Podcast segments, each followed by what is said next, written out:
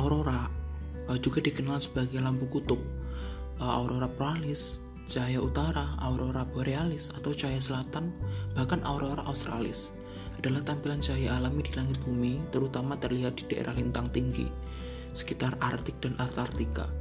Aurora menampilkan pola dinamis lampu cemerlang yang muncul sebagai tirai, sinar, spiral, bahkan kedipan dinamis yang menutupi seluruh langit.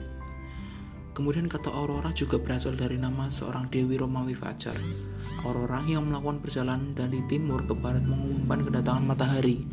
Penyair kuno menggunakan nama itu secara metaforis untuk merujuk pada Fajar. Dan sering juga menyebutkan permainan warnanya di langit yang gelap. Misalnya Fajar kemerahan.